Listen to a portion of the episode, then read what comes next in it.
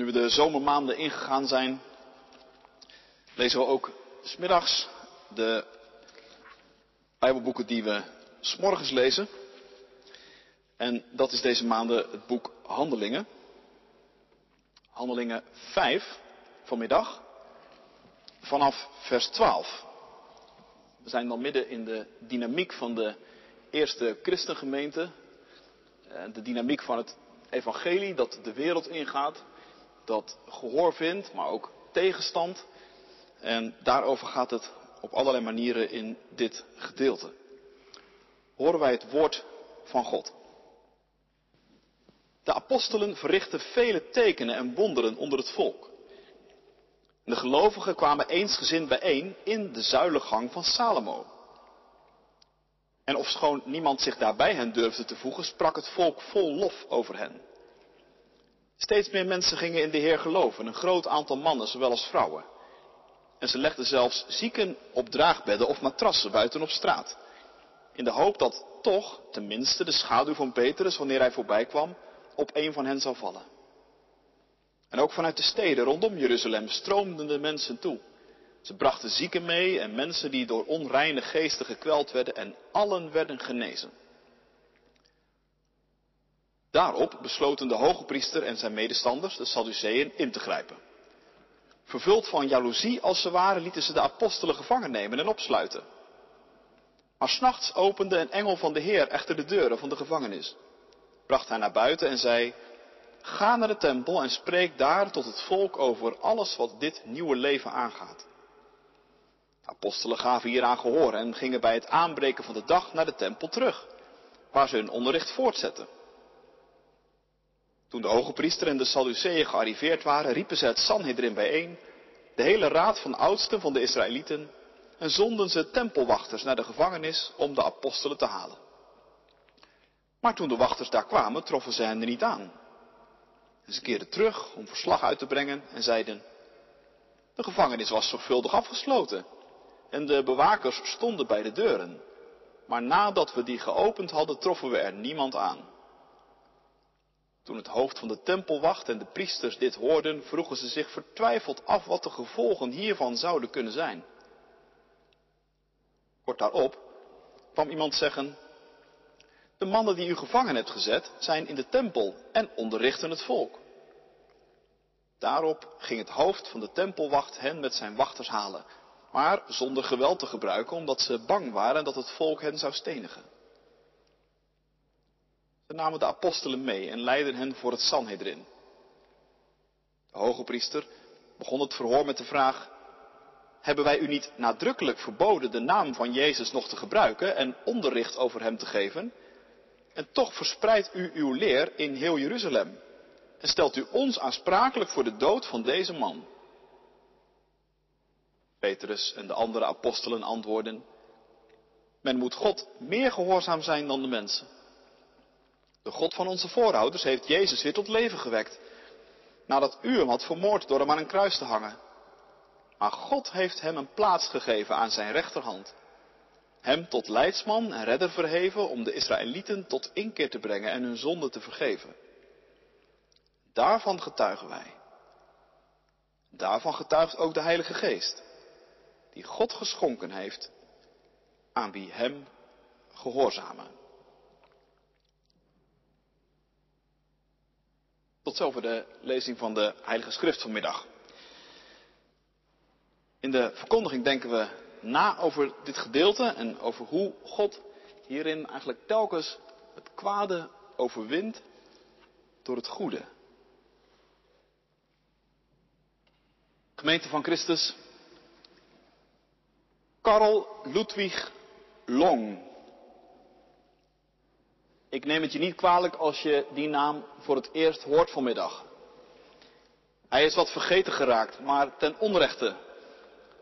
Karl Ludwig Long, Lutz Long voor Intimi. Duitse atleet, zes keer in zijn leven kampioen verspringen. Ook tijdens die beruchte Olympische Spelen in München 1936. Tweede werd hij toen, terwijl hij eerste had kunnen zijn. De naam van degene die toen eerste werd, die ken je misschien wel. Dat was Jesse Owens, de zwarte Afrikaan, een van de beste, beste verspringers ooit. Dat Owens eerste werd, was zeer tegen het zere been van Hitler, die van deze Olympische Spelen een grote propagandastunt had willen maken. Hitler had de wereld laten zien dat het Arische ras werkelijk op elk front superieur was. Maar dat pakte dus anders uit. Want Jesse Owens, een van de zwaar geminachte Afrikanen, werd eerste. Wat Hitler niet wist, was dat dat mede te danken was aan iemand van dat Arische ras. Aan Lutz Long. Lutz had gezien dat de jury tijdens de voorrondes ten onrechte de eerste oefensprong van Jesse Owens meetelde en afkeurde. Hij had gezien hoe Owens daardoor van zijn stuk was, waardoor zijn tweede sprong ook mislukte. En toen was hij op hem afgestapt. Lutz Long, de lange volbloed Ariër, ze praten samen even op het veld. Niemand wist waar ze het over hadden.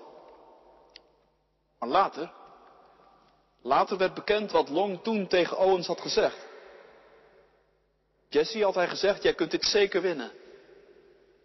En zo gebeurde het. Owens haalde de voorrondes en bemachtigde uiteindelijk vier gouden medailles. De eerste die hen daarmee feliciteerde was, je raadt het, Lutz Long. Arm in arm maakten ze een rondwandeling door het stadion. Moet je je voorstellen, voor het oog van Hitler zelf en alle andere hoogwaardigheidsbekleders. Later schrijft Jesse Owens over deze gebeurtenis. Was een daad van grote moed voor Lutz om openlijk vriendschap met mij te sluiten voor het oog van Hitler. Je mag al mijn medailles en bekers omsmelten. Ze staan niet in verhouding tot de waarde van de vriendschap die ik toen voor Lutz Long voelde. Lutz Long. Op een bepaalde manier was hij wel de winnaar. Hij overwon in 1936 in het stadion in Berlijn het kwade door het goede in het hol van de leeuw.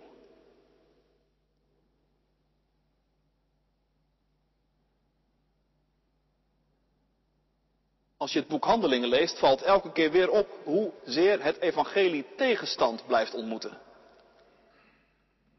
En tegelijk valt net zo hard op, en dat is het unieke, dat God dat niet verhindert om te blijven zegenen wie hem vervloeken.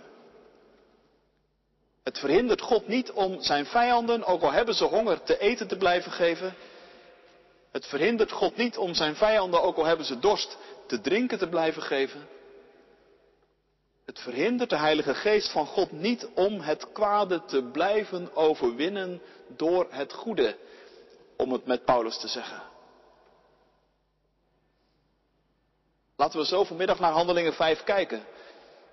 Als een bericht over een God die het kwade overwint door het goede, telkens weer opnieuw. Want daar staan in dit hoofdstuk wel een paar sterke staaltjes van. Neem nu het eerste blokje, vers 12 tot en met 16. De Heere God gebruikt de handen van de apostelen om iets van zijn gulheid en zijn goedheid, zijn grote genade voor allen, zoals het aan het begin van dit hoofdstuk staat, te tonen. En dat iedereen kun je niet snel breed genoeg opvatten. Want let er bijvoorbeeld maar eens op waar die tekenen en wonderen gebeuren. Niet ergens in een straatje of een zaaltje achteraf. Nee, in het hart van de stad. In het centrum van het godsdienstige leven. In de zuilengang van Salomo staat erbij. Midden in de openbaarheid dus. Maar op een bepaalde manier is dat ook midden in het hol van de leeuw. Want paradoxaal genoeg, en dat is echt een, een schrijnend iets dat door het hele Nieuwe Testament heen trekt, was de tempel nu niet echt het gebouw waar het evangelie met open armen werd ontvangen. En de tempelmensen waren tot nu toe eigenlijk ook niet de meest gastvrije mensen geweest. Voor de apostelen niet. Eerder voor Jezus ook niet. Maar dat verhindert God dus niet om door te gaan. Om gewoon midden in die tempel wonderen en tekenen te blijven verrichten. Om zo eten en drinken neer te zetten voor zijn vijanden. En het kwade te overwinnen door het goede.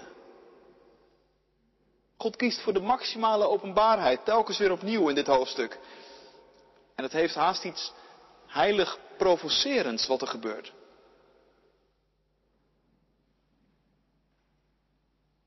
Voel je hoe ver God gaat als er mensen gered moeten worden? Dan is het hem niet snel te veel. Dan kiest hij een plek waar iedereen het kan zien en horen. Dan kiest hij ervoor zijn goedheid en zijn gulheid maximaal tentoon te spreiden. Dan zoekt hij de grenzen op en gaat hij tot het uiterste.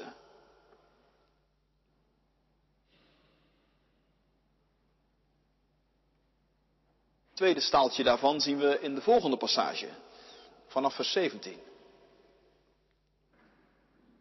De apostelen, ze hebben weer eens een spreekverbod gekregen. Maar omdat ze zich daar niet aan hielden, zijn ze gevangen genomen. Een weinig originele reactie zou je kunnen zeggen, want dat was al eens eerder gebeurd. Ik dacht, dat is nu eigenlijk ook weer zo heel typerend voor het kwade. Het kwaad en de zonde zijn nooit origineel. En wat een schril contrast vormt dit weer met wat God nu gaat doen. Want wat gebeurt in vers 19? Daar duikt een engel van de Heer op. De Statenvertaling zegt, de engel des Heren. En als die vertaalintuïtie juist is, dan gaat het hier niet over de eerste, de beste engel, maar dan gaat het hier over die bijzondere figuur die wel vaker in de geschiedenis van Israël ineens zomaar uit de schaduw treedt. Je weet wel. De engel des Heren roept bijvoorbeeld Mozes vanuit de brandende braambos. De engel des Heren verspert Biliam de weg als hij zijn vloekspreuken over Israël wil gaan uitzeggen. De engel des Heren bemoedigt Gideon als die voor de zware opgave staat om richter te worden. De engel des Heren spoort Jozef en Maria aan om met Jezus naar Egypte te vluchten, als Herodes het pasgeboren kind wil doden. Als je al dat soort momenten eens even op een rijtje zet, dan merk je meteen dat dit niet zomaar momenten zijn in de geschiedenis van Israël. Als de engel des Heren uit de schaduw naar voren stapt, dan kun je er gerust van uitgaan dat er iets beslissends op het spel staat. Stuk voor stuk zijn dat momenten waarop een wissel had kunnen omgaan. Stel je voor dat Mozes niet geroepen zou zijn. Stel je voor dat Biliam niet tegengehouden zou zijn, dat Gideon geen rechter zou zijn geworden, of dat Jozef niet gevlucht was. Op zulk soort momenten treedt dus die engel des Heren naar voren. En dat dat hier ook gebeurt, is veelzeggend. Blijkbaar gebeurt hier iets beslissends op de weg die God met mensen gaat. De weg van de verkondiging en van de verspreiding van het evangelie.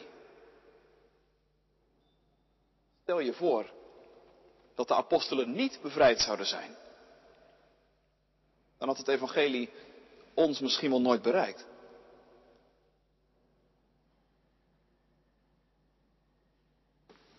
Een van de dingen die dit hoofdstuk ons denk ik wil leren is dit. Dat wij leven en geloven en bestaan alleen dankzij Gods goedheid, Gods gulheid, Gods vasthoudendheid. Wij danken ons bestaan aan Hem, die ook weer op dit beslissende moment de engel des Heren inzet. Want als het om mensen gaat en om onze redding, dan gaat God tot het uiterste.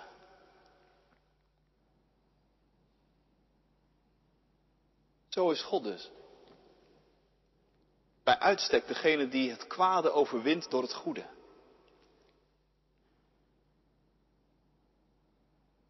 Ik dacht, kijk vanmiddag ook eens zo naar je eigen leven. En bedenk dat God ook in jouw leven bezig is om het kwade te overwinnen door het goede.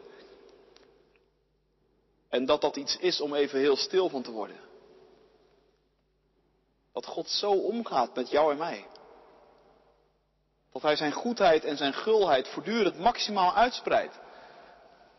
Ook als wij helemaal niet zo hard voor Hem lopen.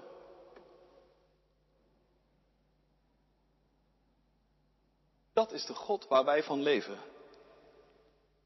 En die ons verkondigd wordt, die ons hier aanspreekt, week in, week uit. Niet in een achterkamertje, midden in de stad. Ook in onze stad kiest God nog altijd voor de maximale openbaarheid om zijn evangelie bekend te maken. En gaat Hij met ons tot het uiterste. Of vind je soms van niet? Hoeveel ontvangen wij niet van God? Hoeveel gemeenteleven staat hier niet nog overeind vergeleken met andere steden in ons land en andere landen in Europa?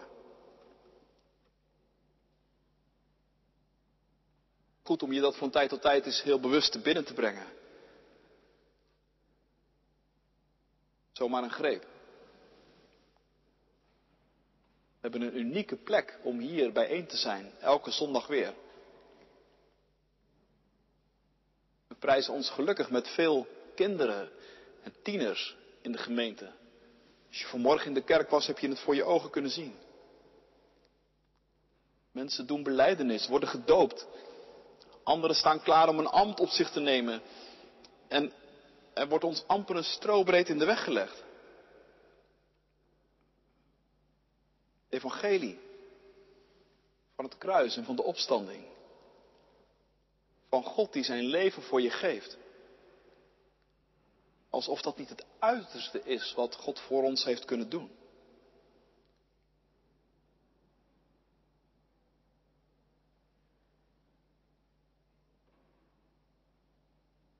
In Handelingen 5 keert het evangelie telkens weer terug naar het middelpunt. De tegenkrachten proberen het daaruit te verbannen. Maar de leerlingen komen telkens weer terug. Ga in de tempel staan, zegt de engel. Spreek tot het volk al de woorden van dit leven. Heel specifiek leven dus, hoor je dat? Dit leven. Het leven van Christus. Het leven met Christus. Het nieuwe leven de toekomst die er is bij Hem. Daar moet het over gaan. En ja hoor, weer in de tempel dus. Niet toch maar ondergronds of toch maar op een andere plek, omdat dat misschien wat veiliger zou zijn of wat eenvoudiger. Nee, opnieuw in de tempel. God keert altijd terug. De tempel is immers de plek waar hij wonen wil, waar hij recht op heeft. Daar moeten de woorden van het evangelie zeker klinken. Je zou kunnen zeggen, hier gebeurt opnieuw een soort van tempelreiniging. In het hart van Jeruzalem. In het hart van het religieuze leven. Dat tegelijk ook het hol van de leeuw is voor de apostelen. Wordt van binnenuit schoon schip gemaakt.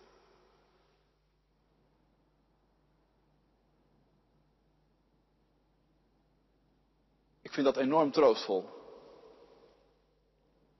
Dat God zo is. Dat Hij zijn naam maar blijft uitroepen, ook al is de omgeving hem misschien amper goed gezind. Dat geeft toch hoop voor jou en mijn hart in onze tijd? Dat geeft toch hoop voor het leven in een omgeving die, die God en zijn genade nu niet echt heel erg goed gezind is, maar waarin zich allerlei tegenkrachten verschuilen, die zich ook zomaar ineens naar de oppervlakte kunnen bewegen?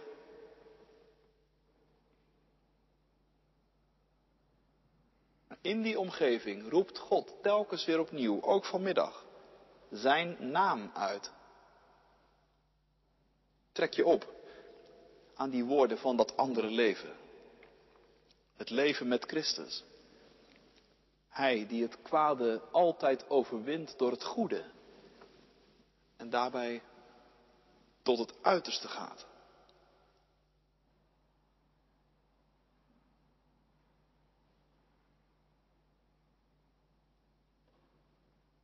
Handelingen 5 is ook heel eerlijk over het feit dat mensen zich daar niet heel gemakkelijk gewonnen aan geven.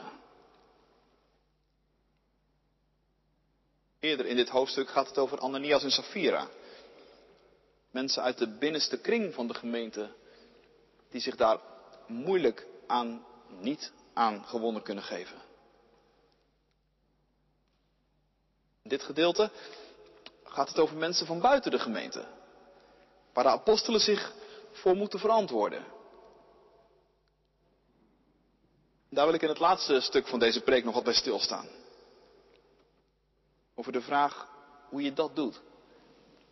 Als je zelf in zo'n dynamiek verzeild raakt. Hoe je in een omgeving die misschien helemaal niet op het evangelie zit te wachten, toch door het goede het kwade kunt overwinnen. Laten we kijken hoe Petrus dat doet en de andere apostelen. Als zij geroepen worden om zich te verantwoorden voor die Joodse raad.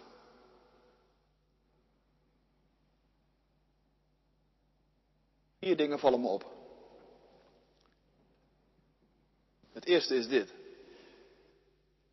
Ken het evangelie. De apostelen blijken het evangelie heel goed te kennen. Zij weten wie God is en wat Hij ons te zeggen heeft. Heel kernachtig vatten ze het hier weer eens een keer samen. De God van onze vaderen heeft Jezus opgewekt, die jullie hebben omgebracht door Hem aan een kruis te hangen. Maar God heeft Jezus door zijn rechterhand verhoogd tot een vorst en zaligmaker. Om Israël bekering en vergeving van zonden te geven. Fascinerende woorden. Je kunt nog wel zo tegen God zijn, willen de apostelen zeggen, maar besef dat God voor jullie is. Hij overwint jullie kwaad. Voortdurend door zijn goed. Jezus leeft. Er ligt een ander leven voor je klaar. Keer je om. Geef je over. God gaat tot het uiterste.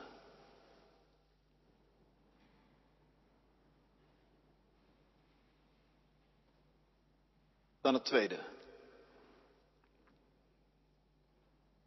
Naast het kennen van het evangelie is het ook ontzettend belangrijk om jezelf te kennen. Dat die apostelen zichzelf kennen, staat er niet zo letterlijk, maar je kunt het wel wat aflezen uit de manier waarop ze hun woorden kiezen. Je merkt dat ze op een bepaalde manier ook on speaking terms willen blijven. Ze spreken met nadruk over de God van onze voorouders. Alsof ze willen benadrukken, die God die wij verkondigen is niet een vreemde. Jullie kennen hem ook. Maar je bent net als wij eerst wel van hem vervreemd geraakt. Maar hij is teruggekomen. En hij wil jou ook weer bij zich hebben. Hij wil ook jou vergeven. Ook voor jou gaat hij tot het uiterste.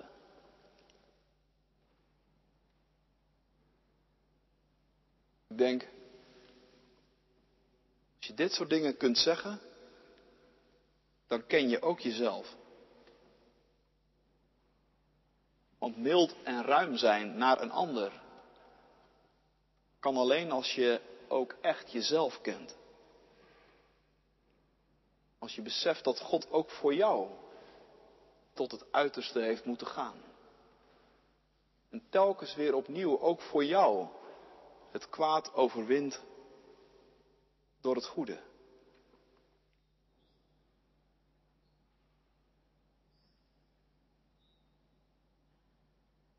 Naast ken het evangelie en ken jezelf is het derde, ken ook de ander. Dat betekent niet alleen ken hem of haar als mens, probeer hem te begrijpen. Nee, met ken de ander bedoel ik ook, weet hoe hij of zij denkt. In vers 28 zie je hoe er een enorme beschuldiging voor de apostelen wordt neerge, neergegooid, zou je kunnen zeggen. Die, die uiteindelijk een grote wereld van onkunde en van onbegrip verraadt. Jullie willen het bloed van deze mens over ons brengen, wordt er gezegd. Op zich is dat nog een beetje waar, zou je kunnen zeggen. Want de apostelen houden inderdaad de andere Joden verantwoordelijk voor de dood van Jezus, maar het is tegelijkertijd maar de helft van het verhaal. De apostelen zijn er namelijk helemaal niet op uit om, om hun tegenstanders te grazen te nemen. Integendeel. Dat gaan ze ook zeggen. Ze gaan juist zeggen dat de opstanding van Jezus vergeving betekent. Het bloed van Jezus betekent niet nog een keer een beschuldiging eroverheen. Het betekent dat God tot het uiterste gegaan is om te redden.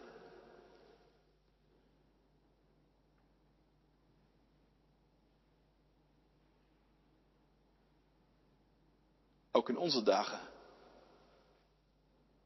Je weet het. Is er heel veel onbegrip en weerstand. En betrekking tot het christelijk geloof. De eerlijkheid gebied te zeggen dat wij, zeg ik nu maar even, dat ook wel aan onszelf te danken hebben.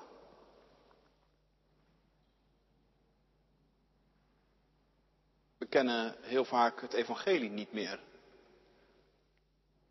Dus verkopen we karikaturen. Moralistische of burgerlijke verhalen. Of zoete praatjes voor de vaak. Of we verkopen het evangelie als een therapie. Of een programma voor zelfverwerkelijking.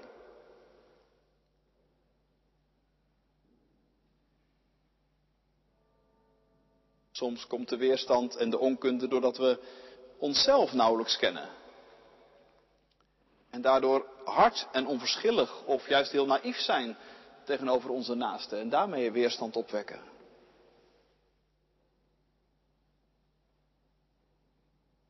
Of het onbegrip en de weerstand komen omdat we de ander maar half kennen. Te weinig geduld hebben om echt te beseffen en te leren hoe hij of zij denkt. En daarom maar moeilijk in staat zijn om halve waarheden en soms hele leugens te ontmaskeren.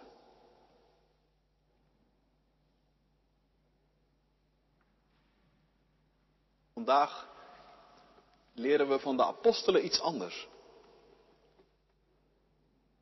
Vier dingen. Ken het evangelie. Ken jezelf. Ken de ander. En tenslotte, volg je roeping. En die wordt aan het einde van dit stuk prachtig door Petrus samengevat. Wij moeten God meer gehoorzaam zijn dan de mensen, zegt hij. Dat is onze roeping. Waarom? Omdat de God die wij gehoorzamen een God is die het kwade voortdurend overwint door het goede en daarbij tot het uiterste gaat.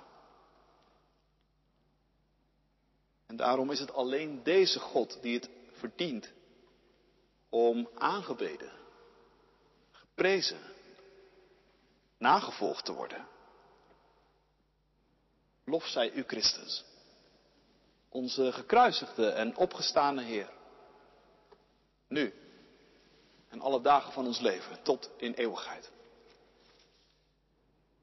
Amen.